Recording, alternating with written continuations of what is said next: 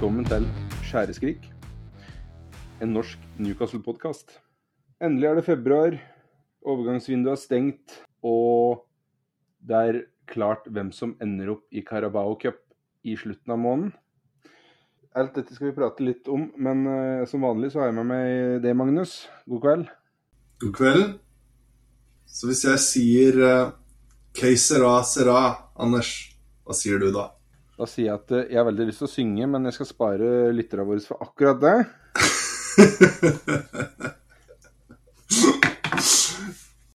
du vet hvor jeg vil hen. Du vil dit jeg skal. Jeg vil. Eh, jeg får det ikke til, men eh, det gjør du. Ja, heldigvis. Vi prater selvfølgelig, for, som de fleste sikkert har skjønt, vi prater om Wembley. Ligacupfinalen 26.2.2023. Newcastle endelig i en finale igjen. Det er 24 år siden sist i sitter tar helt feil. Rask uh, matematikk der. 99. 1999, sist vi tapte en eh, finale på, uh, på Wembley. Samme motstander? Ja, det var det vel. 99 Manchester United, så 98 var det Arsenal. Stemmer.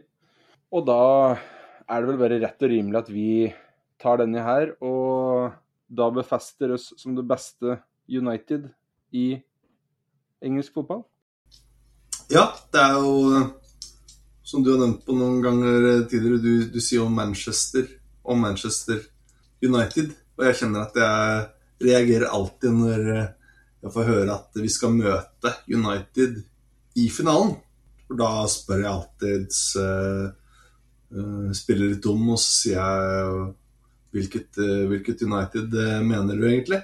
Hvis det er ett lag som er United, så er det jo Newcastle, som er en by, en klubb. Manchester er jo ikke United. Det er jo én by, to klubber.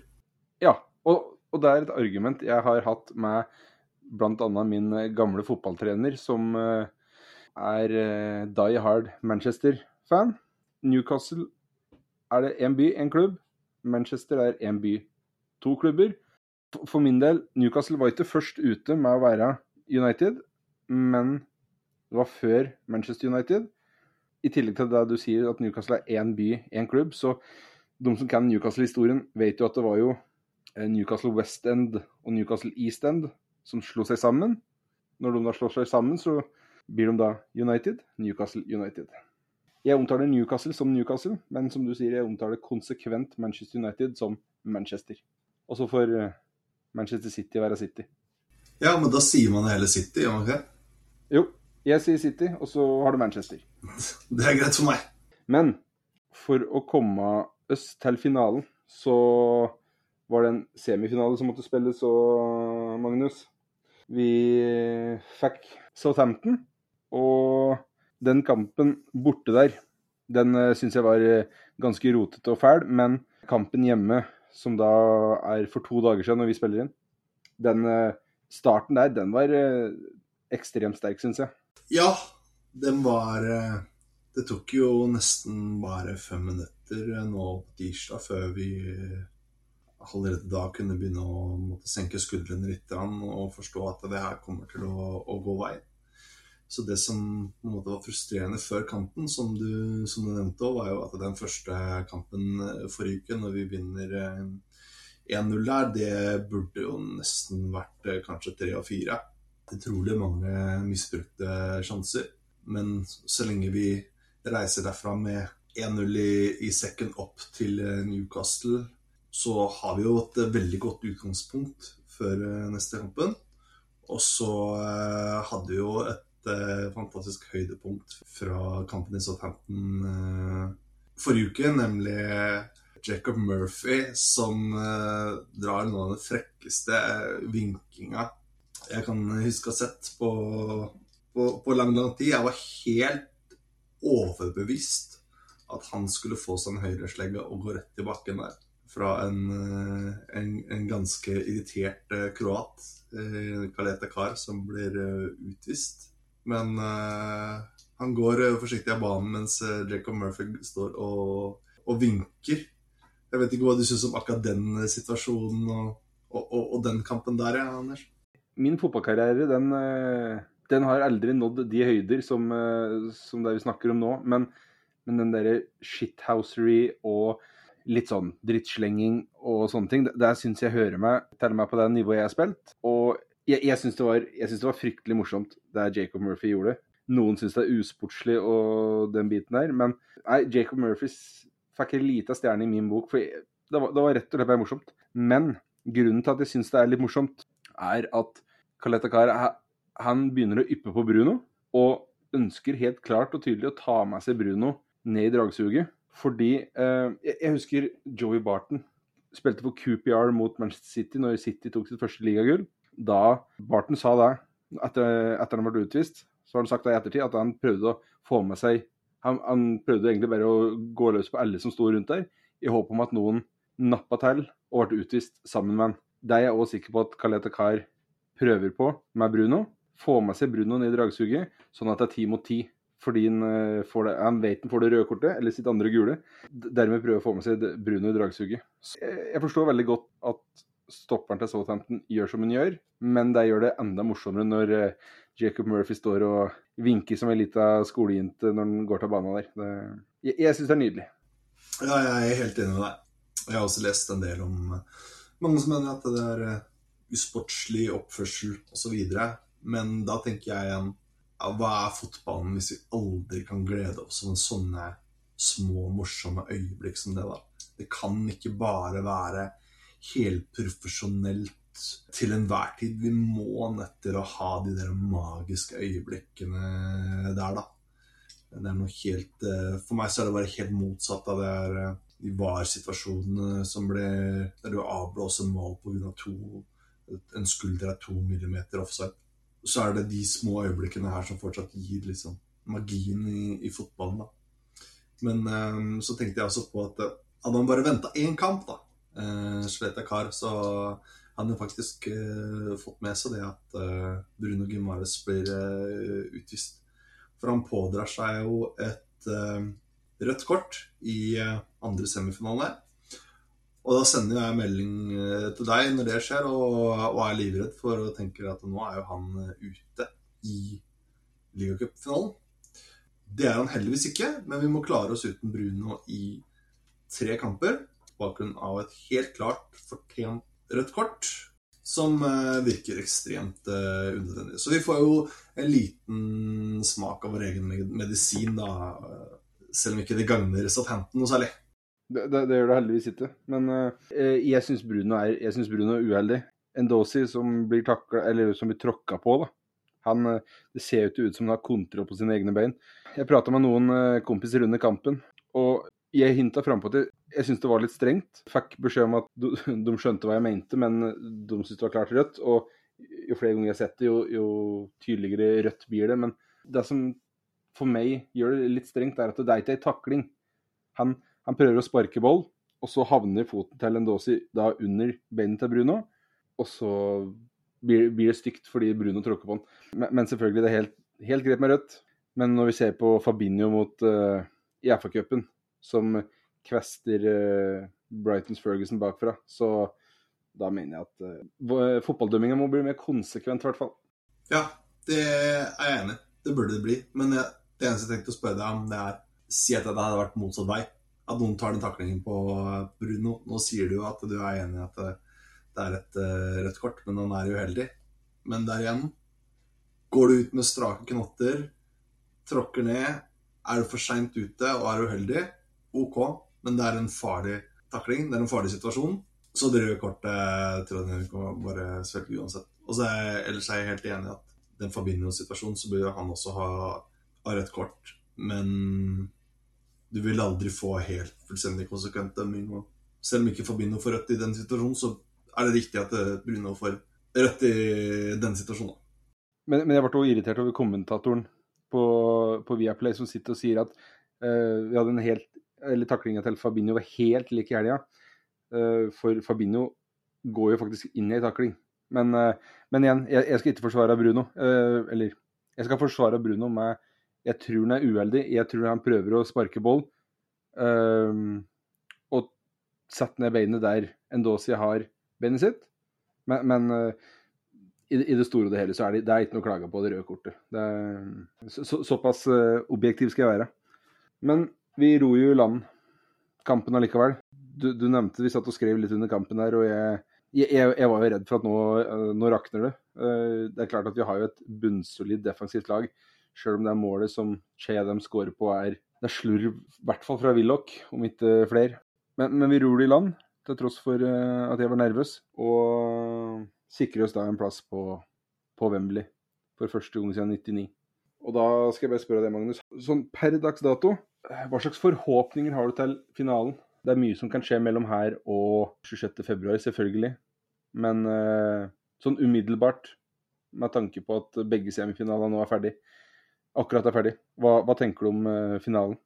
Jeg må være helt ærlig og si at jeg gruer meg veldig. Jeg tror det kan bli en helt uh, forferdelig opplevelse. Jeg ser det fram til Fortsatt pessimist av eh, natur, så jeg tror at det kan bli en forferdelig opplevelse. Vi har dårlig erfaring fra å spille mot eh, Manchester United i, i finale. Det er et lag i en fortsatt veldig bra form. Jeg hadde et lite håp her om at kanskje Forrest hadde en liten mulighet til å snu det på onsdag, men det var jo, det var jo selvfølgelig helt uh, umulig. Så jeg, jeg, jeg, er glad på alle Jordis som får seg en tur til Wembley. Men selve finalen, når vi er såpass viktige kamper, det er sånn som jeg syns er vanskelig å, å, glede seg over, for da tar nok nervøsiteten uh, overhånd, da. Jeg tenker sånn umiddelbart så syns jeg det er skummelt å møte et lag som begynner å Eller Manchester begynner å se sterkere og sterkere ut nesten for hver kamp som spiller. Men det er, det er et viktig poeng her som har vært påpekt på Twitter spesielt. Newcastle har tre kamper før ligacupfinalen. Heldigvis, for da, det betyr at vi har Bruno tilbake til finalen. Men så har du Manchester sitt program. De har seks kamper, deriblant et dobbeltoppgjør mot Barcelona, hvis jeg ikke husker helt feil det, det, er ikke, det, er ikke, utelukkende positivt for vår del at vi har halvparten så mange kamper, fordi du har det handler litt om altså Hvis Manchester vinner samtlige seks kamper, så vil de gå inn i den finalen med en sånn kjempetro på seg sjøl og den biten der. Men samtidig, vi kan prate om slitasje på spillere, vi kan prate om eh, skader. Eh, suspensjoner kan jo fort komme. Nå sitter vi nesten, eller vi sitter en snau måned før finalen og ser litt framover. Og da er det lett å tenke på at seks kamper kontra tre, det kan bety flere skader, det kan bety flere Det kan bety karantener. Det kan komme en formdupp for, for så vidt for begge lag, men, men, Manchester har noen tøffe kamper der. Det, det er et element som uh, jeg syns er ganske interessant før den finalen. Og så får vi se søndag 26.2 om det har noe å si eller ikke. Men en annen ting som òg jeg syns er godt å tenke på jeg, jeg, jeg, er nervøs for å møte Manchester. Det er, det er såpass ærlig skal jeg være. De ser gode ut. Men jeg var mer nervøs for å møte Arsenal på Emirates rett over nyttår. Fordi Arsenal er et bedre lag. Og som vi har pratet på tidligere i denne podkasten her, vi eliminerte Arsenal veldig godt på vår defensive tredjedel av banen. De skapte veldig, veldig lite. Og det gir meg god tro på at vi kan gjøre en god defensiv kamp mot Manchester. I hvert fall hvis det er den stilen vi går for i verste fall så får vi ligge defensivt og, og, og, gå for straffer, men eh, jeg har såpass god tro på måten Eddie Howe satte opp lagene sine. Han er veldig smart, så jeg tror vi kommer til å ha en god inngang til den kampen. Og gjøre en god kamp, rett og slett. Så får jeg håpe at du har, eh, har rett i det. Du har jo gode poenger. Jeg tror faktisk at eh, Manchester United møter Barcelona både før og har ha Barcelona-kampen både før og etter den uh, finalen. Så det, det, det, kommer til å ha en innvirkning på, um, på hvilket lag de stiller, og, uh, og hvordan de må prioritere den finalen. De har jo vunnet den cupen noen ganger før. Det har jo ikke vi. Men jeg tror nok Ten Hag ønsker å vinne likevel, altså. Det gjør han helt sikkert, men jeg, jeg ser Manchester har de har jo siste kampen sin mot Barcelona 23. februar. Det er jo torsdag klokka ni. Og så er det søndagskamp klokka Hva sto det i stad? 17.30. Halv seks norsk tid, ja. Du, du, vet jeg skal dit, jeg vet Magnus, jeg opererer på engelsk tid. Der sto det 4.30. Ja, jeg vet det. Vil helst unngå tanken på akkurat det at du, at du skal dit. Men jeg får tenke at det er bra for, eh, for skjæreskrigen. Ja, ja. Vi pratet på det litt i stad. Vi, vi, håper å komme tilbake med en, litt, med en, episode litt mer dedikert til finalen. Så vi lar den, uh, vi lar den bollen ligge akkurat nå. Og så er det bare å gå og gruglede seg i skal vi se, 24 dager til. Og håpe at, uh, håpe at det beste skjer. Det er bare et par uh, punkter vi, vi må innom før vi går videre fra den semifinalen. Og det er ene er Jean Longstaff, local lad, som vi må nevne. Avskrevet av eksperter tidligere. Fans. Ja, av fans, ja. Uten tvil. Og så, etter eh, en eh, takeover, etter eh, en god slumpe penger er brukt, så er han fortsatt sentral på laget. Kommer til å være sentral på laget minst ut den sesongen her. Har hatt en tøff måned i januar òg, med en del muligheter eh, bortkasta. Og så er det han som til slutt serverer uh, Eller leverer varene, da. på 21 minutter her og, og, de to skåringene, så er det jo så å si avgjort. Jeg må bare hylle Jean Longstaff for den eh, innsatsen. Det er en hyllest jeg har veldig lyst til å, å være med på. Og så det første målet til Longstaff der. Han, han, spiller jo boll ut til Trippier og får den igjen. Men dette er ikke noe kritikk mot Kieran Trippier, men den bollen får igjen Hvis jeg ikke husker helt feil, han får den litt under seg. Så det er å legge han til rette på ett touch, og så smelle den inn på et raskt andre touch, som en uh, holdt på å si fotballnerd og litt sånn uh, eks-fotballtrener, i hvert fall per dags dato. Så det er godt å se at han har teknikken i orden, fordi den touch, første touchen der, den er veldig lett. At den enten stopper opp under, eller får for langt foran seg. Men der er det to kjappe touch, og så Gavin Basanu i Southampton-målet Jeg tror ikke han ser det skuddet komme så tidlig, altså. Så Nei, jeg er med på hyllesten av Longstaff, uten tvil. Og så Jeg er en litt rar person, det skal jeg være første til å innrømme, men Dan Burn begynner å bli en om ikke fotballspiller, så i hvert fall en karakter som vokser noe voldsomt på meg etter denne ligacupsesongen her. Han har jo da den der dansen live på Sky, som jeg syns bare er uh, mesmerizing å se på. Jeg blir helt uh, hypnotisert av å se den dansinga hans. At en mann på 4,5 meter beveger seg så smidig, det, det klarer ikke jeg å skjønne. Og jeg vet ikke om du har sett det, Magnus, men han avbrøt jo intervjuet Sean Longstaff hadde med NUFC TV. Så du den? Litt usikker om jeg vet akkurat hva du mener. Eh, jeg skal prøve å spille den av her. Hvis det ikke går, så klipper jeg den ut. Men i så fall så har jeg et, en liten quiz av deg. Ja. Du har quiz til meg? Ja, yes. Ja. Artig. Dan Burn han avbryter intervjuet med Sean Longstaff.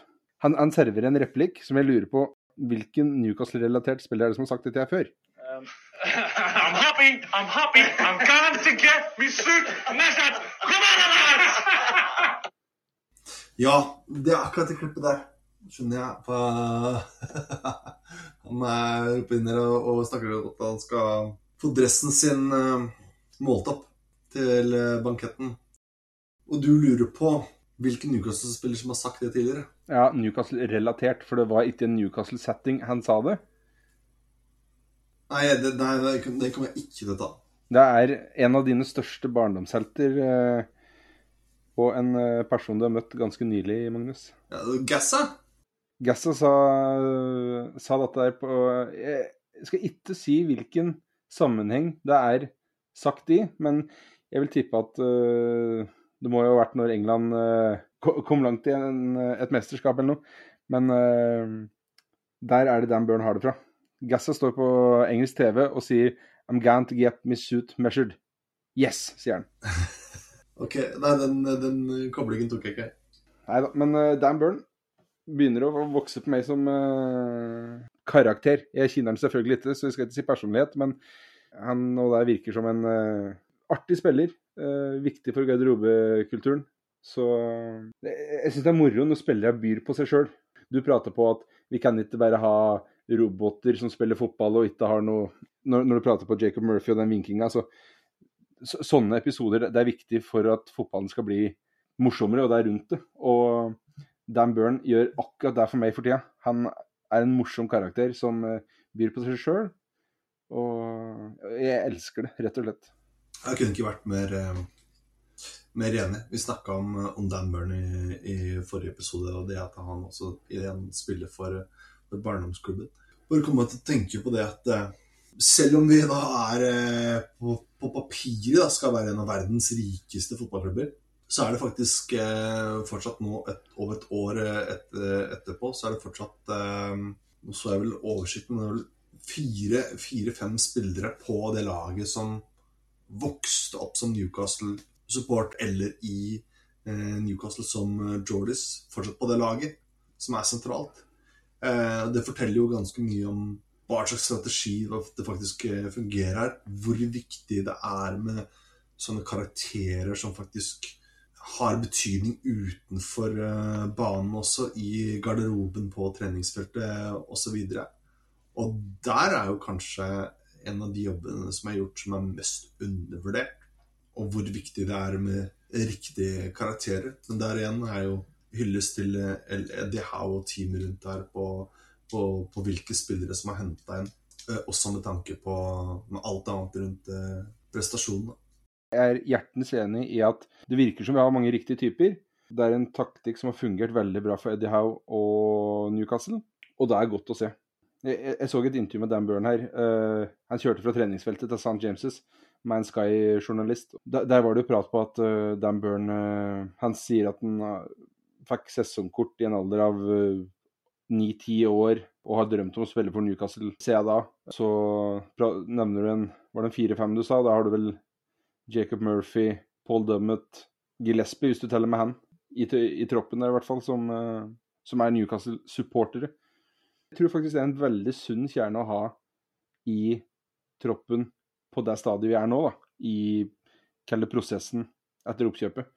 Uh, vi har ingen Robinho, vi har ingen uh, Adebayor, vi har ingen Ja, nå kom vi ikke på noen flere Feilkjøp for City. Men, men, vi har lokale gutter. Vi henta jo Dan Burn etter oppkjøpet. Så virker som det er viktige typer å ha rundt, uh, rundt troppen. Bare kom på, jeg tror, jeg tror det neste jeg ville sagt der i rekka, var tror jeg faktisk jeg ville vel nevnt uh, Wilfred uh, Boney, eller Bowley, eller hva det. Som de henta fra Bonny, ja. Fra, ja, fra, fra Sponsi, og det var jo også var jo eh, bomskudd. De hadde en rekke bomskudd, da. Så det bare sier litt om hvor mye det handler også om å bygge den kulturen, da. Men, uh, men jeg tenkte bare av, sånn avslutningsvis på, på den uh, semifinalen og sist mot Southampton Så bare for å eh, sette oss litt på bakken igjen, da, så er det jo det vi kanskje skal ta med oss videre som litt negativt fra den kampen, er jo da Brunos røde kort, som vi har vært inne på. Eh, det at for meg så ser Callum Wilson ut til å være litt uh, off. Uh, jeg syns ikke han har vært den samme spilleren etter VM-pausen. Han kommer ikke til særlig målsjanser, som også handler om måten motstanderlaget setter, setter opp taktikken eller spillestilen mot oss for å forhindre Callum Wilson å komme til målsjanser. Og så eh, er det jo litt skummelt å se at Isak eh, går ut der med det som ser ut som en mulig hjernerystelse. Og jeg har ikke klart å finne noe mer eh, konkret på akkurat eh, den skaden der videre, da. Jeg er helt enig med deg i det du sier eh, om Callum Wilson. Han har, han virka jeg har lyst til å bruke ordet ferdig, og da mener jeg selvfølgelig ikke ferdig som fotballspiller, men han ser utslitt ut når kampen begynner. Han ser nesten litt uinteressert ut. Men jeg tror Jeg nekter å tro at han er det. Det, det, det bare virker som de ikke vil se for Callum Wilson. Og det, det syns jeg er fryktelig synd. For jeg husker Arsenal-kampen hjemme i fjor. Der, der var den jo helt fenomenal. Men uh, det er et litt skummelt tegn for Newcastle hvis Isak nå er ute med hjernerystelse. Da går han sannsynligvis glipp av kampen Eller mest sannsynligvis glipp av kampen til helga mot Westham på lørdag. Uh, vil nok kanskje være tilbake helga etter. Men uh, da har vi ingen å Vi har i utgangspunktet ingen spiss å bruke når Wilson er ferdig etter 60 eh, minutter. Jeg har lyst med det spørsmålet å dra inn over på overgangsvinduet, fordi da er spørsmålet har vi gjort en liten feil i overgangsvinduet med å være så passive som vi har vært? Jeg har lyst til å komme med en liten brannfakkel. Jeg er kritisk til at klubben kun henta Anthony Gordon som seniorspiller. Jeg skjønner at han på en måte er en erstatter for Chris Wood i, i, offensive, i den offensive biten til laget. Men vi har to spisser som i Newcastle-historien har vist seg å være relativt skadeplaga. Nå har ikke, Wilson, nei, nå har ikke Isak slitt så mye med skader, men han har vært uheldig så langt i år. Wilson er eh, skadeplaga. Og så den største feilen jeg mener Newcastle har gjort, er å slippe John Joe Shelby til Nottingham Forest uten å hente en erstatter. Og da, før vi får for mye hat uh, mot oss slash meg, så jeg er på ingen måte kritisk til måten klubben drives. Kjempetrua på både Eddie Howe, Dan Ashworth og, og de som styrer, men jeg tror kanskje Newcastle gambler litt for mye. Sjøl om vi kunne har hatt én kamp som ikke er ligakamp, så ser det, det ser tynt ut sentralt på midten. Og det ser bitte litt tynt ut på topp med den skadehistorikken Isak og Wilson har i Newcastle. Så der er jeg faktisk litt kritisk til uh, overgangsvindu januar 23, fordi jeg syns vi gjorde for lite. Jeg tror du har rett i veldig mye av det du, du sier. Jeg tror det er veldig mange som tenker det samme. Så jeg moderere litt på det. Fordi uh, jeg leste akkurat en ganske artik interessant artikkel om Newcastles overgangsvindu i Athletic før vi begynte å spille inn her i dag, som eh, toucha inn på akkurat det der. Eddie Howe sa jo tidligere i januar at prioriteten var å få inn en nummer seks eller en type sentral- og midtbanespiller. Vi vil ha en backup for eh, Bruno, og som også kan bekle de andre midtbaneposisjonene. Sånn at eh, det skal ha blitt jobbet ganske hardt med å få inn spillere i den posisjonen. Og så er det veldig mye annet som spiller inn januarvinduet spesielt, da. Og det er det at det er da vanskelig å finne kvalitet på markedet til eh, riktig pris og riktig spillertype og eh, spillere, en spiller som kan eventuelt gå rett inn på laget eller er bra nok til å være en del av, um, av troppen. Da. Ja, alt det skal ha betydning, da. Eh, noe som gjør det mer utfordrende, er jo at vi er jo fortsatt ganske strengt eh, regulert av det som vi tidligere kalte for FFP, da, som har fått et nytt eh, navn nå, som ikke kommer på i slengen. Det får betydning fordi at Newcastle Uniteds inntjening er langt lavere enn f.eks. en klubb som Chelsea, som har fire ganger så mye inntekter som det vår klubb har. Og da må man handle ut ifra det. Eh, det var ingen i Europa som brukte like mange penger som Newcastle i forrige januarvindu. Men problemet er at uh, mye av det som ble handla på januarvinduet, er fortsatt på, uh, på utgiftsposten for, kom, for, for, året vi er i nå, da. På, det er en del av samme finansielle år. Um, så det bremser ganske, ganske mye. Og så der ble det også nevnt i den artikkelen hvilke spillere som ble kikka på. Bl.a. flere spillere i Chelsea. Altså Conor Gallagher var jo tidligere linka. Det var en spiller som var ønska på lån til Newcastle. Eh, som man mente var eh, mulig å hente. Men en av grunnene til at ikke det f.eks. gikk gjennom, det var jo da at eh, Chelsea ønsker ikke slippe spillere til Newcastle som de ser på som en direkte konkurrent den sesongen her òg til en Champions League-plass. Eh, Chelsea eh, tenker fortsatt at det skal være en målsetning for den klubben å klare en topp fire-plassering. En varmt søkt det høres, høres ut. Så for å på en måte runda på akkurat eh, den biten, så, så, tror jeg at klubben også er skuffa over eh, utviklingen. Men eh, at det var noe man forsøkte å jobbe med, men, men man, man, kan ikke kaste penger over bord som fulle sjømenn allikevel for å få inn hva som helst. Det må være kvalitet, det må passe, det må passe inn i strategien, og det blir ikke noe panikkjøp. Og så bare for å nevne det her med, med John Joe Shelby, da. Så var det jo egentlig ikke noe plan at John, John Joe Shelby skulle forlate klubben. Men som du har nevnt tidligere òg, han var to starter unna å få en automatisk forlengelse på ett år. Han blir, eller han er, eller blir snart 31 år. Ønska selv ut av klubben for å komme inn med en ganske god deal for, eh, for Shelby. Han ønska selv å reise. Eh, klubben ønska dermed ikke da å stå i veien for den muligheten for Joe Shelby med tanke på hans fremtid, også i forhold til hva han har gjort i de syv åra han har vært i, i, Newcastle. Også fra et økonomisk perspektiv, med tanke på hva han hadde i lønn i Newcastle, så var det jo var det en fornuftig avgjørelse. Og så eh, kan det vise seg å ha vært en feil avgjørelse sånn sportslig. Ja, og uh, bare den, det med den FFP-biten, så uh, ut ifra hva jeg har skjønt fra folk som har mer peiling på det enn meg, på Twitter spesielt Du, du nevner inntekta er jo selvfølgelig for lav, uh, og det er jo akkurat det som er problemet. Og at Newcastle bruker for mye penger på lønn kontra inntekt.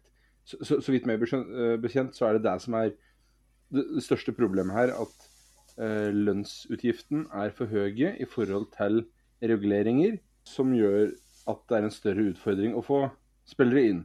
Eh, jeg har jo skrevet, skrevet, litt om det, i hvert fall på Twitter, at vi betaler jo fortsatt en god del for, eh, av lønna til Isaac Hayden, Kieran Clark, eh, Jeff Hendrick sannsynligvis, som er på lån. Og vi har spillere som Jamal Lewis, som uh, ikke får spille. Eh, som har god lønn. Så det, er nok der det største problemet i forhold til FFP ligger. At vi har for uh, høye lønninger ut kontra inntekter inn. Når du prater om John Joe Shelby, så isolert sett så, det, det er en, jeg mener det er en kjempegod avgjørelse av klubben å selge, fordi vi får jeg, jeg har sett det har vært spekulert i alt fra 10 til 14 millioner pund. Si at vi får 10 millioner pund for John Joe Shelby. Det er en god sum for en, for en spiller som Junjo Shelby, som har hatt seks måneder av kontrakta si, og skal vel ligge på rundt en 80 000 pund i uka. Uh, han får vel 100 000 pund i uka i Forest og ett år lengre kontrakt enn hva han hadde her. Så jeg skjønner han veldig godt. Uh, jeg syns fortsatt det er veldig vemodig å se Jonjo Shelby forlate klubben, fordi jeg kommer til å savne disse pasningene hans på 40-50 meter diagonalt, som bare treffer kantspilleren akkurat der General Shelby har tenkt at den skal lande. Jeg mener Shelby er en litt undervurdert fotballspiller i Premier League, men det betyr ikke at den er god nok til å være med oss i to-tre år til. Så isolert sett, en god deal for klubben. Spiller. Jeg mener, jeg mener en god deal for Forest, jeg, altså. Uh, uten tvil. Men vi står nå med fire sentrale midtbanespillere, og vi bruker tre hver kamp. Brun er suspendert i tre kamper, så da står vi med tre. Heldigvis så er det få kamper før finalen, så som jeg nevnte, jeg er litt kritisk, litt negativ til januarvinduet. Jeg vet det har vært, har vært jobba med en god del ting, men uh, jeg, jeg, velger å på en måte legge det litt bak meg og tenke at OK, klubben har en plan. Klubben prøver å gamble litt nå, kanskje for første gang i, i siden overtagelsen, for det har vært kjøpt mye trygt og godt, og det har lønt seg veldig bra. Dette er vel første ordentlige gamble jeg syns klubben har gitt seg ut på. Og så må de få De må få tillit fra fans til å tenke at OK, uh, de tror dette går. Og hvis det ikke går, så, så må de òg få tillit til at uh, Eller vi må i hvert fall tenke som fans at OK, kanskje klubben har lært. De, de prøvde, det gikk ikke. Men vi må fortsatt ha full tillit til, til klubben. Så min uh, negativitet der går kun på hva de klarte å få til i januarvinduet, og absolutt ingenting annet. Og så er det jo et poeng at det, i stedet for å bruke penger som fulle sjømenn, som du sier, nå i januar, og kanskje gjøre en litt forhasta avtale, så gir det mye, bad, mye større spillerom til sommeren. For da bør vi ha europacupspill neste sesong. Større inntekter, bedre reklameavtaler. Og kanskje kan tiltrekke seg enda bedre spill enn hva vi kunne gjort nå i januar. Det som jeg glemte å nevne, det er det at eh, topp fire, selv om det skal være fullt innenfor rekkevidde, sånn som det ser ut per nå, så har det på aldri no, på noen tidspunkt vært et klart mål for eh, klubben denne sesongen her. Det er fortsatt den langsiktige tankegangen som skinner gjennom hele veien. Prosjektet som man tenker langt fram. Målsettingen før den sesongen her var en topp ti-plassering. Man var fornøyd med typ sjuende-åttendeplass. Og det er tankegangen man ønsker Man, man ønsker ikke å måtte gå mann av huset nå pga. plasseringen i, i ligaen, men heller se på det med Champions League-plassering som en ekstremt stor bonus. Men med tanke på finansielle framover, så skal ikke det være noe som utgjør så veldig mye i lengden hit eller dit, om man kommer dit akkurat denne sesongen der. Da, det kan sette i gang reaksjoner som gjør at vi kommer raskere fram dit vi ønsker å, ønsker å være. Men styret i klubben skal fortsatt ha tålmodighet i forhold til prosjektet som er, eh, som er satt opp. da. Ifølge den artikkelen som, som sto i, i The Athletic. da. Og så eh, kan vi jo trøste oss med at vi har jo fortsatt Jeff Henrik på utlån. Så skulle det bli for ille, så kan jo han hentes tilbake. Ja, øh, sannsynligvis så kan han ikke det. Jeg, jeg, vet det er en, jeg vet det er en spøk der. Men jeg, jeg, tenkte på det når du satt og pratet i stad, at hvis vi skulle hente tilbake en spiller, så hadde valget mitt vært Isaac Hayden fra Norwich, sjøl om han har vært skadeplaga i år. Jeg, har tenkt på det litt de siste dagene, at det, altså misforstå meg rett her, vi må sikte mye høyere enn Isaac Hayden. Men Isaac Hayden under Eddie Howe Jeg hadde vært veldig spent på å se åssen det hadde sett ut. Dessverre så får vi ikke gjort det. Kanskje heldigvis så får vi, får vi ikke se det, men eh, jeg, jeg, håper dessverre vi har sett det siste av Isaac Hayden. Og jeg håper i hvert fall vi har sett det siste av Jeff Henrik i Newcastle-drakt. Men eh, jeg har inntrykk Jeg har ikke sett så mye Reading-kamper, men jeg har inntrykk av at Jeff Henrik har gjort det bra i Reading i år. Han har kanskje funnet nivået sitt. Men vi henta jo allikevel uh, en spennende ving i januar. Harrison, nei, uh, Anthony Gordon ble henta inn for 40 millioner pund, kan stige til 45 og en lovende back fra, fra Westham i Harrison Ashby. Og jeg, jeg, er veldig spent på å se hva, hva de kan tilføre laget. Jeg har trua på begge to. Uh, Anthony Gordon med litt uh, veiledning av uh, Eddie Howe, og komme inn i et godt lag som spiller, en, spiller en type fotball som ser ut til å passe Anthony Gordon ganske godt. Jeg syns det var litt spennende å se at vi var veldig interessert i de to spillerne i sommer. Det gikk ikke. Og da prøvde vi oss i januar og fikk begge to. Det, så den der langsiktige planen du prater om, den ser ut til å gjennomsyre på overgangsmarkedet òg.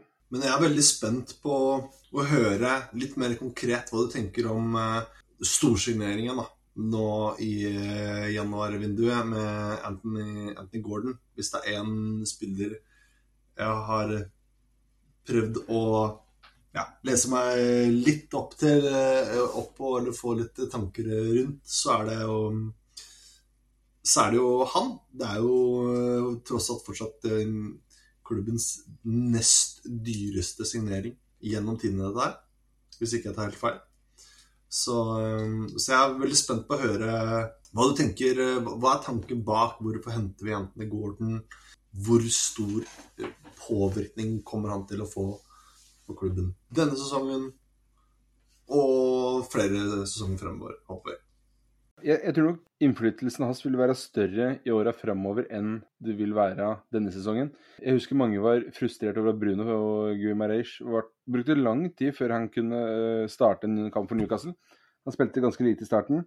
Nå kom han riktignok fra en annen liga, og det her var jo ganske tydelig på i januar at hvis han skulle hente inn en erstatter for Chris Wood, så kom det til å bli en offensiv spiller, ikke nødvendigvis en spiss, som kjente Premier League. For meg så er det nå ganske tydelig at eh, han hadde Anthony Gordon i huet hele tida. Men, men, det har jo gått ganske dårlig for han i Everton. Han øh, ble jo nesten kjeppjaga av fansen der. Det var etter en kamp mot Southampton, var det vel, hvor Jeremina og Anthony Gordon spesielt ble stoppa av fans, og det kunne se ut som det kunne bli nesten litt stygt. Men øh, han har ikke startet så mye kamper. Men, men, jeg har sett litt på, på statistikken til Gordon. Offensivt så er det ikke så veldig bra. Men defensivt, altså både taklinger, avskjæringer og press Han har veldig god tall på defensiv eh, statistikk. Selv om det høres rart ut å diskutere på en ving, så har det mye å si med måten vi spiller. da. Vi presser høyt. Det går er lynkjapp. Jeg, jeg, tror nok spillestil hans vil passe ganske godt inn i Newcastle, slik Eddie Howe ønsker å spille. Og så er han litt heit i toppen og uferdig produkt men han er ennå 20 år, og jeg tror at han vil ha en god utvikling i Newcastle. Og så er det ganske spennende for min del å se, nå som Bruno er ute Joe Linton kommer til å bli trukket ned til midtbane, det er jeg overbevist om. Hvem er det som da starter på venstre kant? Er det Anthony Gordon, eller er det Allan San Maximin? Jeg tror kanskje ikke helt i starten, men jeg tror den eh, plassen kommer til å bli Anthony Gordon sin. Og så tror jeg San Maximin kommer til å forsvinne i sommer. Nå, jeg blir mer og mer overbevist om det. Jeg vet ikke hva det er du spurte om, men eh, jeg måtte snike det inn. Jeg er eh, sikker på at franskmannen forsvinner i sommer, og at Anthony Gordon er ansett som en langsiktig erstatter for eh, San Maximin på ven vår venstre kant. Jeg tror nok du har rett i det, på sikt. Og så tror jeg vel og håper vel at planen denne sesongen er at det er St. Maximin som er neste i kø nå. Um, han er fortsatt en helt fantastisk, fantastisk spiller som er veldig morsom å se på når han leverer. Så jeg skulle gjerne ha sett mer av eh, St. Maximin ut denne sesongen. Og så tenker jeg nok at eh, det er en stor mulighet for at eh, det kan skje ting eh, avhengig av hvilke klubber som er interessert i, i han nå til, nå til, sommeren. Men for å komme litt tilbake til Ganton Gordon, så er vel mye av kritikken som har gått på han, er vel at man har betalt for mye. og visstnok, sånn som jeg har forstått det, så er eh, svaret på det Det er jo vanskelig å si nå, helt umulig å si nå, men eh, i sommer så var en av grunnene til at Newcastle trakk seg fra, fra en eventuell eh, mulig overgang der, var at Chelsea var villig til å betale 60 millioner pund. Da ved 40 millioners eh, 40 millioner i, i overgangssum og to uh, installments på 10 millioner pund. Uh, nå fikk Newcastle da forhandla det ned til 40 eh, millioner pund, og uh, Everton takka ja til det fordi man fikk uh, Det betalte man med en gang, cash i hånda. Og så er det jo 5 millioner da, som er avhengig av visse prestasjoner som ikke vi er, vi er helt klar over akkurat hva er ennå. Men man føler vel da at man har gjort en god handel man har klart å, å få, få spillerne 20 millioner pund rimeligere enn det en annen Premier League-klubb var villig til å betale. Og så er det det at vi, vi, må nesten bare ha tillit til at det speiderapparatet og det sportslige apparatet i klubben vet hva de holder på med, og at uh, dette er en gjennomtenkt uh, signering. Og så tenker jeg jo at det er vel en helt annen coaching uh, Anthony Gordon kan få under Eddie Howe, kontra det han fikk under Frank Lampard. En av grunnene til også at han ikke har levert varene denne sesongen her, og skal jo være fordi at han har havna på feil side når det kommer til eh, Frank Lampard, og at eh, dermed da ikke fikk eh, spille noe særlig. Gordon skal føle seg svært dårlig behandla av barndomsklubben sin, og noe som skal ha toppa seg med den situasjonen som du nevnte mot, uh, mot Southampton uh, eh, for en, en uke eller et par ukers tid siden at han rett og slett følte at han ikke var trygg i sin egen barndomsklubb lenger. Sterkt ønska, denne, denne overgangen. da. Jeg så det ble slengt ut litt, litt statistikk, bl.a. på Twitter, fra, som jeg måtte svare på, var Espen P.A. Lervåg, som uh, stadig vekk uh, mener litt om uh, fotball. Han er jo Sheffield Wednesday-supporter. Jeg la ut statistikken på Anthony Gordon. Antall kamper kontra antall mål og assist, og kan ikke skjønne at noen skulle betale den summen. Og da er det jo, Når kommer tilbake Han er 21 år, blir 22 nå i februar, faktisk. 24. februar. 65 kamper, 7 mål, 3 assist har han i, i Everton. Det er nødvendigvis ikke veldig svake tall heller, kontra at du har spilt på et lag som har kjempa mot nedrykk i to sesonger. Nesten vært med på å holde det laget oppe forrige sesong. Eh, spilt under Frank Lampard på et mye dårligere lag enn det han uh, kommer til nå. Så jeg har gått fra å være veldig, veldig skeptisk og til å anse hele typa som en uh, nevemagnet, til å være veldig, veldig spent på, um, på, hva han kan få til. Jeg tror at det kan vise seg å være en helt genial investering.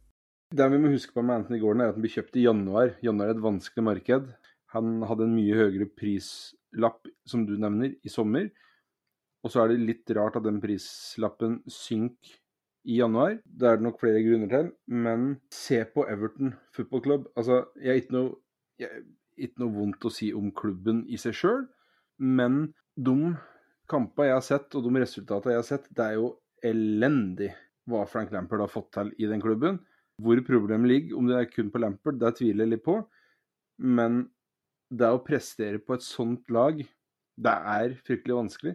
Vi, vi husker jo tida under Steve Bruce. Vi, nå, jeg sammenligner ikke Frank Lampard og Bruce, det får noen andre ta seg av.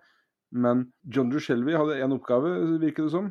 Det var å spille ball på San Maximin, og så fikk vi se hva som skjedde. Everton under Lampard ser ikke ut til å ha hatt noen plan, de heller, og da har det jo gått fra vondt til verre nesten hver kamp. Og åssen skal du forvente at en 20-21-åring skal prestere veldig godt i et sånt lag? Med, de har slitt med skader, de, dårlig sammensatt tropp. En manager som ikke eh, ser ut fall til å få det beste ut av laget. Da, da syns jeg det er feil å legge den vekta på skuldra til en, til en såpass ung gutt. Jeg har ikke noe problem med, med, å forsvare den prislappen vi betaler. Og så hvis du da i tillegg tar med at vi solgte, vi solgte Chris Wood til Eller han er lånt ut da, ut sesongen, med, og så blir han solgt i sommer. Vi fikk vel tre millioner pund nå i januar, og så blir det vel ti i sommer, tror jeg. Vi solgte John Joe Shelby for la oss si 10 millioner pund. Da har vi 23 millioner pund inn der. Og så har vi vel brukt 40 pluss 3 pluss ja, si 1 million på Garancuol. Så da er vi oppe i 44 millioner. Så, så, vi har brukt 20 millioner pund totalt.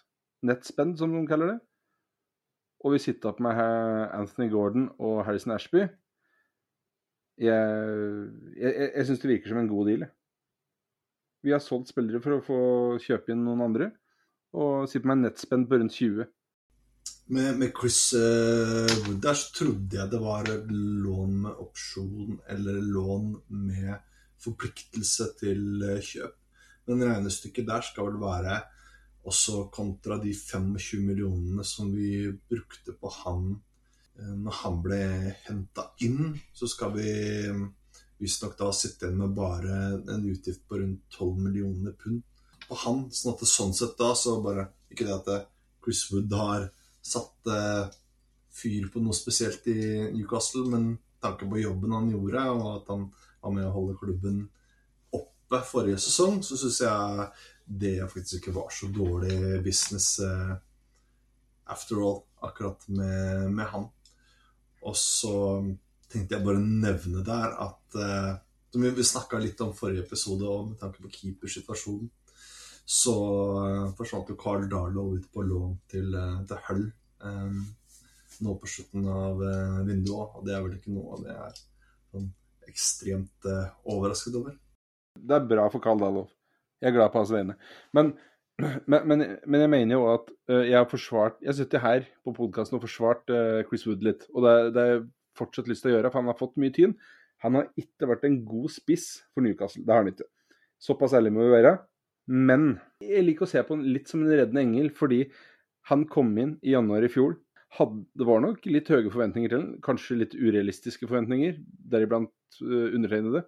Men det er ingen som klager over formen Newcastle hadde etter FA-cuptapet i, i tredje runde i fjor òg. Og ut sesongen så er det ingen som klager på formen Newcastle hadde. Og Chris Wood var en ekstremt viktig del av det Newcastle-laget den våren.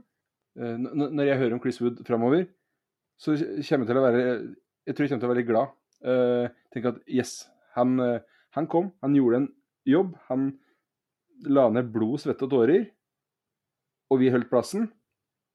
Og han er en sterk bidragsyter til at vi er der vi er i dag.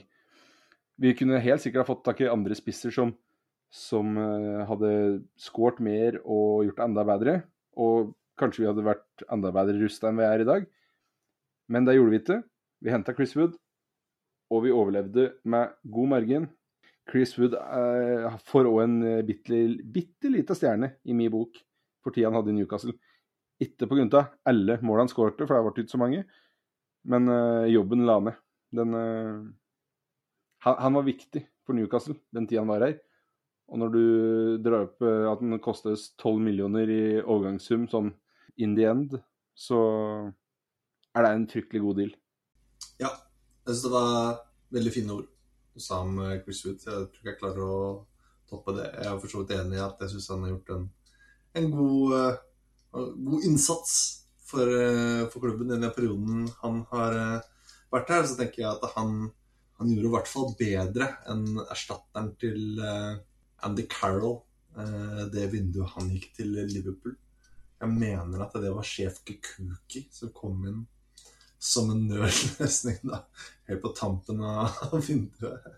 Så bare nevne det. Men jeg vil spørre deg om egentlig, bare før vi går videre fra overgangsvinduet Det er en sånn kjapp karakter, da. Fra én til ti på januarvinduet vårt. Da tenker vi både inn- og utgående for klubben. Så skal jeg komme med min etterpå. Jeg tror det blir en upopulær mening, men jeg drister meg til en svak femmer. Uh, vi burde ha kvittet oss med flere, mener jeg. Ryan Frazier burde ha dratt. Ja, nå, nå forsvant jo Dalo, så, så det, var jo, det var jo positivt. Og så er det den der sentrale midtbaneposisjonen. Jeg anerkjenner det at klubben gjorde en innsats der.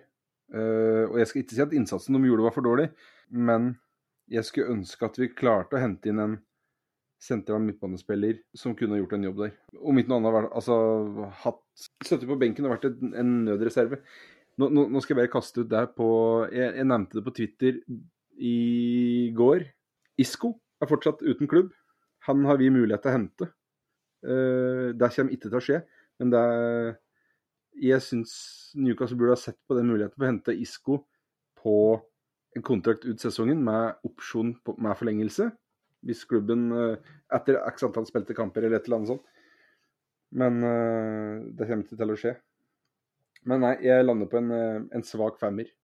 Det skal, det skal, være litt mer positiv enn det. Jeg ville vil sett en sterk uh, sekser som er nesten oppe og snuser på, uh, på syveren.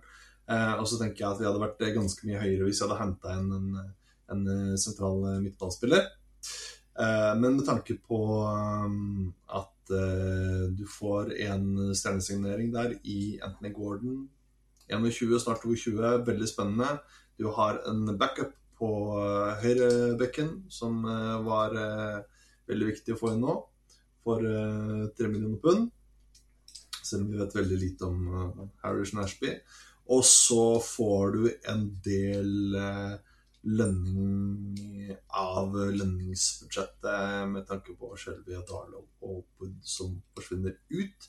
Sett opp mot hvor vanskelig det januarvinduet er, så jeg er bare litt mer eh, positiv til, eh, til, businessen som blir, eh, som blir gjort der. Ja, og, og, jeg skal si deg, hvis vi hadde fått inn en helst en defensiv midtbanespiller eller en indreløper, så hadde den jeg, hadde vært ganske mye høyere oppe enn en svak femmer, bare så det er sagt. Men Uh, jeg lærte av tidligere i vinduet, det vi ikke har forsterka. Jeg frykter at den uh, mangelen på en uh, midtbanespiller kommer til å hjemsøkes i slutten av sesongen. Men, men, men jeg har også sagt at uh, tar vi en ligacuptrofé, så har ikke tabellplasseringa så fryktelig mye å si for min del. Så jeg, er veldig store på klubben. De har mye mer peiling enn meg. Men akkurat per dags dato så lander jeg på en uh, svak femmer, faktisk. Ja.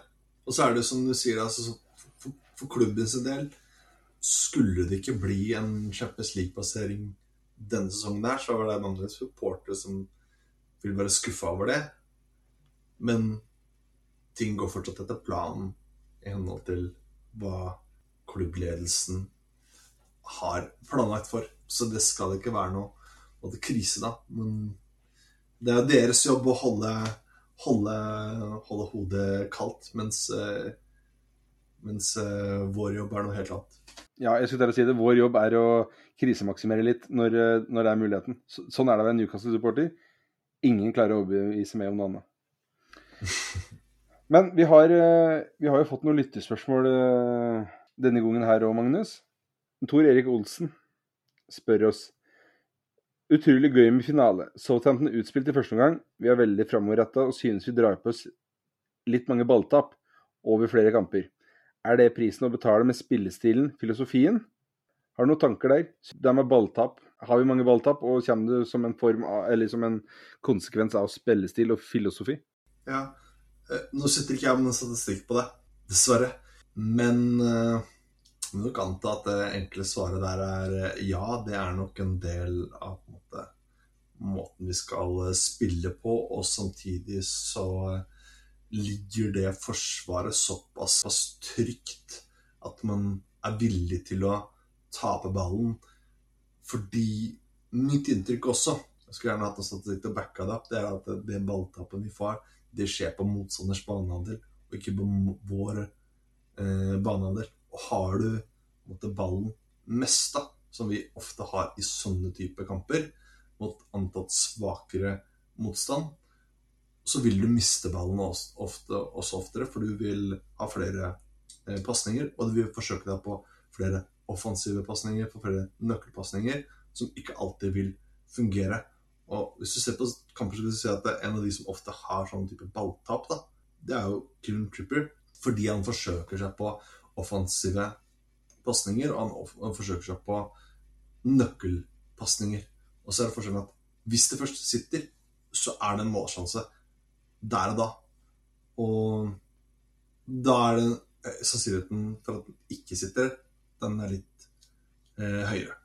Litt av problemet vårt der føler jeg er at midtbanen vår er for lite kreativ. Joe Linton er en, er en god spiller, uh, ikke fullt så god som Bruno i pasningsspillet. Bruno prøver seg på nå har, nå har, det kommet noe inn i fotball som noen kaller line breaking passes. Altså pasninger gjennom motstanders f.eks. midtbaneledd og sånne ting. Bruno prøver seg ofte på dem, og da får du ofte brudd. Men det er som du sier, det skjer, det skjer ofte på motstanders banehalvdel. Andre mål mot Southampton, den kontringa som kjøres i gang der, det er ekstremt høy presisjon på den kontringa. Og det er så lite som skal til før det blir en litt for hard ball, litt for svak ball, eller litt feil vinkel som gjør at den, uh, gjør at den snappes opp. Og jeg, jeg, tror at det kommer som en følge av filosofi og spillestil. At uh, vi prøver å angripe så fort vi vinner ball, og da er det fort gjort å spille på seg brudd. Du har nok et godt poeng der. Uh, men jeg synes spørsmålet til Tor Erik er jo todelt her, for han spør jo også Madison slash Gordon. Hvem ville dere valgt? Og så skriver han også at han har stor tro på, på Gordon selv, da. Men uh, kan du få lov å svare på det først, da? Uh, jeg hadde nok gått for Madison. Ene og alene fordi han kan spille i en uh, litt mer offensiv rolle sentralt på midten. Det, det, det, er ikke to like typer. Madison kan spille kant, men han kan også spille inne sentralt. I hvert fall per dags dato så hadde det gått for Madison. Ut ifra hva jeg uh, vet òg, hva jeg har sett sjøl, så hadde jeg nok òg gått for Madison totalt sett. Men jeg har òg kjempetrua på Gordon i det lange løp. Da. At uh, der er det en spiller som bare må utvikles riktig, og da kan vi fort ha en uh, veldig, veldig god spiller der òg. Så får vel jeg si det enkelt, da, at hadde du spurt meg før vinduet, så hadde jeg kanskje sagt uh, James Madison. Men nå i etterkant av vinduet så sier jeg ti av ti Anthony Gordon. Jeg, jeg, har lyst til å gå for den ja takk, begge deler, men det er sikkert ikke godt nok svar på spørsmålet. Per Øyvind Nordberg han send, sendte inn nok et spørsmål, og der setter vi stor pris på Per Øyvind. Når bør vi se Isak fra start? Wilson er ikke i skåringsform, og rekordsigneringen skal ikke bare være innhopper. Spør nå går Gordon rett inn på laget, eller blir han en backup hele sesongen? Takk for en fin pod, Howay. Og jeg, jeg, føler på en måte vi har svart på disse spørsmåla tidligere i podkasten, Magnus, men, men, har du lyst til å bare oppsummere sånn kort uh, Isak fra start? Jeg kan ta kjapp uh, Isak der, uh, og det handler om at som sikkert de fleste har skjønt, Eddie Howe er svært konservativ med tanke på laguttak. Uh, han er veldig opptatt av uh, førsteelver som eh, fungerer. Og at skal man komme inn der, så er det snakk om en, en skade, en suspensjon. Eller at noen spiller seg, inn, spiller seg enten inn eller ut av laget. foreløpig så sto det De har også såpass nye på Callum Wilson at han er førstevalget der. Det er derfor Isak kommer inn fra benken. Men på sikt så er vi jo veldig klar over det at Callum Wilson er en god del år eldre enn eh, Alexander Isak. Og um, Isak har tiltenkt en lang fremtid på St. James'. Så for min egen del så skulle jeg gjerne sett Isak fra start eh, i flere kamper. Men så lenge Caldon Wilson holder seg skadefri, så tror jeg faktisk ikke det skjer med det første. Og så eh, Det andre punktet der, om Gordon går rett inn på laget, så tror jeg ikke det skjer med én en eneste gang. Det vil nok ha noe å si når Bruno har fått det røde kortet, men jeg tror det er sånn Maximin som står i køen foran på venstrekanten der. Og så tror jeg vi skyver Jolinton Joe Linton ned på, på midtbanen. For, uh, for, så vidt uh, helt enig i det. Det er, er gode svar. Uh, det med Isak fra start Nå har jo han da sannsynligvis pådratt seg en hjernerystelse som kommer på et veldig dårlig tidspunkt for hans del. For Wilson har, uh, er ikke i skåringsform, og han ser ut til å slite litt. Litt umulig at vi hadde sett Isak fra start til helga, men hvis han, uh, hvis han har en hjernerystelse, så, så er det ganske usannsynlig. Og det med Gordon uh, Det kommer et spørsmål etterpå her òg som, som går litt inn på dette her. men det blir veldig avslørende å se hva Eddie Howe gjør på lørdag. Jeg skal bare ta spørsmålet til Joakim Leistad nå med en gang. Fordi svaret mitt går litt inn i begge her. Men hva gjør vi i de tre kampene vi nå må klare oss uten Bruno? Er den forsiktige taktikken på overgangsmarkedet og jakten på den rette dealen et hinder for oss? Gambler vi unødvendig mye ved ikke har ha en klar backup for Bruno? Første spørsmål altså der er hva gjør vi i de tre kampene vi må klare oss uten Bruno? Du prater på å dra Joe Linton ned igjen på, på midtbanen. Både han og Willoch har jo bytta på i kamper og spiller venstre kamp slash indreløper der. Jeg er helt enig at de drar selvfølgelig inn ned på midten. Og så er det Sam Maximin eller Anthony Gordon som kommer til å ta den venstrekanten.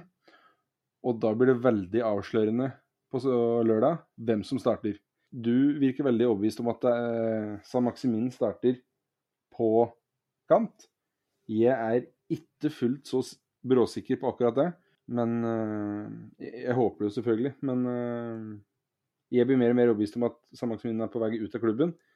Og blir, for meg så er det spennende å se på lørdag hva, hva Eddie Howe går for.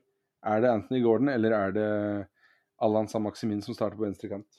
Ja, jeg skal, jeg skal prøve ikke å være altfor uh, for, for skråsikker på det, for det er jeg faktisk ikke. Jeg er ikke skråsikker. Mitt inntrykk er at han er foran i køen, og det tanken min også er at det, det tok, en, tok flere kamper før Bruno faktisk fikk lov å starte. Han matcher spillere rolig og forsiktig og vil ikke kaste Gordon rett inn på, på dypt eh, vann. Det er det som er um, tanken min, men samtidig så føler jeg også at jeg kan stole helt på St. Maximin. Da. Uh, så jeg skal ikke være helt bombastisk på det, men jeg er rimelig sikker på at Joe Linton i hvert fall blir henta ned. Og så skal vi også huske på at Anthony Gordon kan spille høyrekant også. Og eh, Almiron har også gått en periode nå uten å levere like mye på skåringsfronten, i hvert fall. Og det handler jo om at motstandere er mye mer opptatt av å pakke inn og, og demme opp for den trusselen som Almiron har vært tidligere i sesongen. Så det fins faktisk muligheter for at Gordon kan gå inn på, på høyrekanten nå. Og så um, siste muligheten som jeg spurte deg om tidligere, jeg sendte en, melding til deg, det er jo uh, Jordi Maradona. Uh, Elliot Anderson. Uh, for det åpner seg flere muligheter for han nå. Men han spiller jo egentlig bestemt mer type offensiv midtbanerolle, som vi egentlig ikke spiller med per nå. Så jeg tror ikke vi ser mer han fra start, vil jeg tro. Men kanskje vi får se mer til Anderson nå i de neste tre kampene.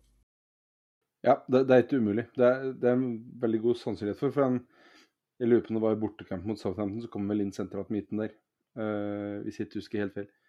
Men uh, jeg syns ikke han er god nok der. Det siste spørsmålet, den Joakim, gambler unødvendig mye vi ikke har en klar backup for Bruno. Jeg eh, prater på det når vi prater om overganger her. Eh, jeg mener helt klart og tydelig ja. Det er jo min svake karakter på overgangsvinduet. Men uh, igjen, klubben har sannsynligvis en plan for hva de gjør. Det kan òg hende at uh, Fabian Skjær kan bli dratt opp som en defensiv midtbanespiller hvis det skulle være helt krise. Sjøl om det skal, sannsynligvis skal mye til for å splitte den fireren bak, så kan det være en mulighet som uh, som de har i tankene sine. Så jeg syns vi gambler mye, men jeg velger å stole mer på klubben enn på min egen skepsis. Ja, bare, bare for å avslutte akkurat der, så er jeg, jeg er helt skråsikker på eh, og jeg ligger nakken min til Hogsherren, at eh, Longstaff går ned og tar den, den defensive rollen som, eh, som, Bruno har hatt de siste kampene. Og så for ellers, for heller slakte meg og sette feil på, på, det. Jeg tror ikke den defensive fyren blir, blir splitta opp eh, i det hele tatt. Jeg tror at det er Longstaff som, som kommer ned der. Ja, ja jeg, absolutt. Det, det, er jeg helt enig i. Men, men, jeg tenker, hva skjer hvis Longstaff blir skada og ut, eller eh, hvis vi, en, hvis vi, får en, skade til? Så kan det å putte skjær opp på defensiv midtbane være et alternativ. da. Uh, men, men, men, ja, Sean Longstaff tar den eh, defensive midtbanerollen. Det, det, er jeg helt overbevist om, ja. ja. ja. Tida flyr litt ifra oss, eh, Magnus, men eh, vi har Westham på lørdag klokka halv sju. Det er Jeg lurer på om noen tre neste kamper våre er halv sju-kamper, faktisk. Noen få ord om Westham-kampen som kommer om to dager. Har du det?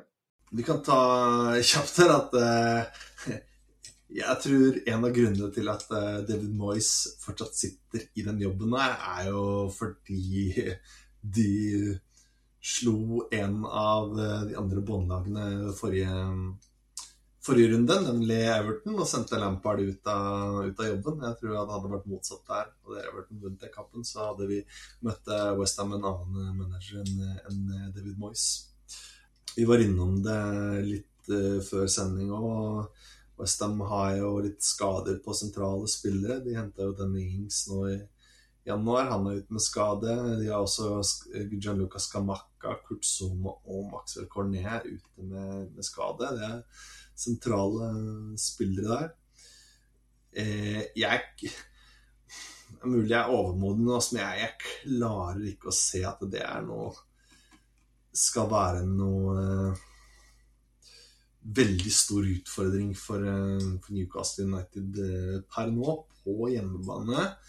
Med et eh, sånn halvveis skadeskutt Westham-lag som klimrer seg fast. da.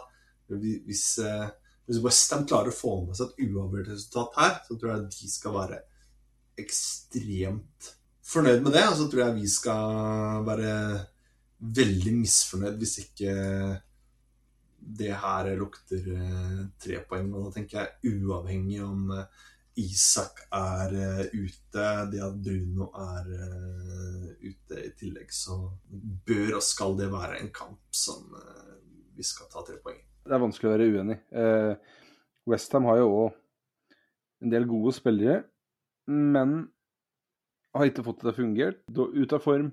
Jeg, kommer til å sette H på tippekupongen på, på lørdag. Og en liten skuffelse hvis Klart, nå, nå, kan vi spille en kjempekamp og bare ikke få hull på byllen eller være uheldig, men uh, i, i, den grad jeg forventer seier uh, for tida, så, så, forventer jeg seier uh, på lørdag. Best av meg et lag vi skal ta. Helt enig. Yes. Neimen, da begynner det å nærme seg veis ende her òg, Magnus.